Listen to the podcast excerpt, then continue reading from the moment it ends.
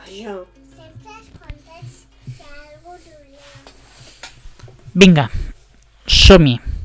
Avui us vull explicar un conte que passa al mig d'un prat ple de flors de mil colors. De mi? De moltíssims, moltíssims colors. Vermelles, fúcsies, granes, mm, magentes, mm, liles, eh, turqueses, de tots els colors, de tots els colors que es puguis imaginar. Blau? Blau, groc, verd, el que vulguis i més. Fins i tot de color corall. Groc?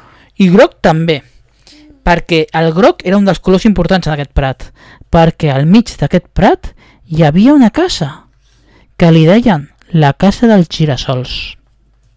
Els girassols són molt importants. A la casa dels girassols hi vivia una espècie de mag, un senyor que es deia el senyor Hortència. El senyor Hortència era l'encarregat de pintar totes les flors. Era un alquimista, era un senyor que feia pòssimes i tirava dos gotetes aquí, tres gotetes allà i barrejava tots els colors i després anava a les flors i li deia vosaltres? Vermelles. Vosaltres? Pum, de color taronja. Vosaltres? Pum, grogues.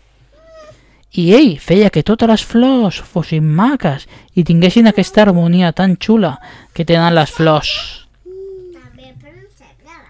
Blaves. blau fosques, blau marís. Blaves també. també. Hi han coses molt xules que va fer aquest senyor. Però saps què li va passar un dia? Que es van constipar que es van constipar i es va posar malalt. I les flors van començar a quedar totes blanques. Que eren maques, eh? perquè un plat de, de flors blanques també és maco. Però cap tenia el seu color. I la gent es va començar a preocupar. Què ha passat amb el color de les flors? Però clar, ningú s'imaginava que el color de les flors ho fes una espècie de mag.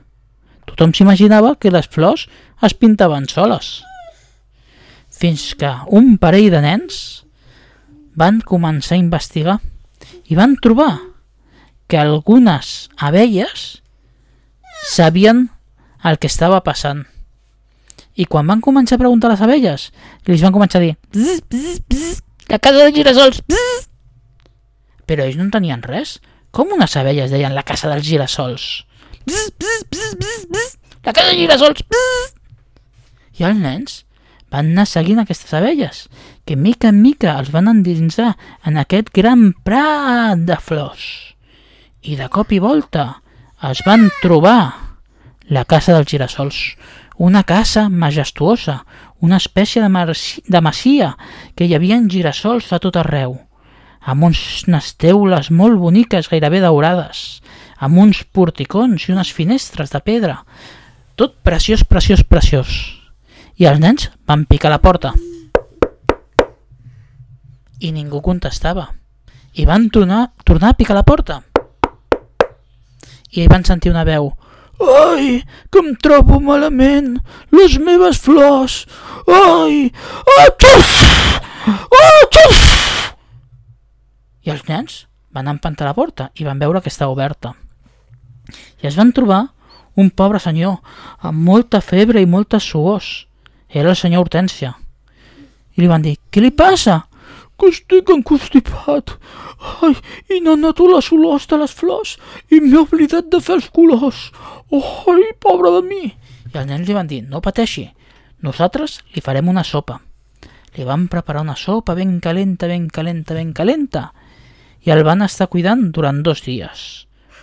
Quan el van tindre curat, el senyor Hortència li va dir Nois, m'heu ajudat tant que a partir d'ara vosaltres també posaríeu flors, ai, colors a les flors.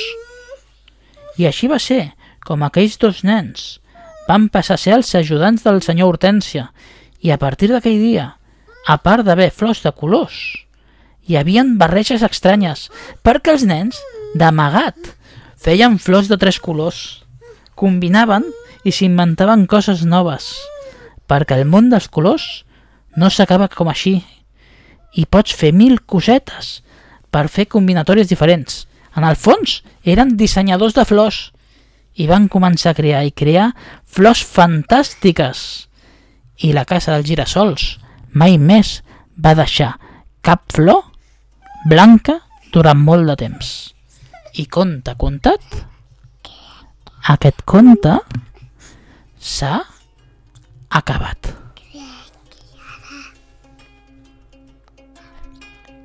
Ara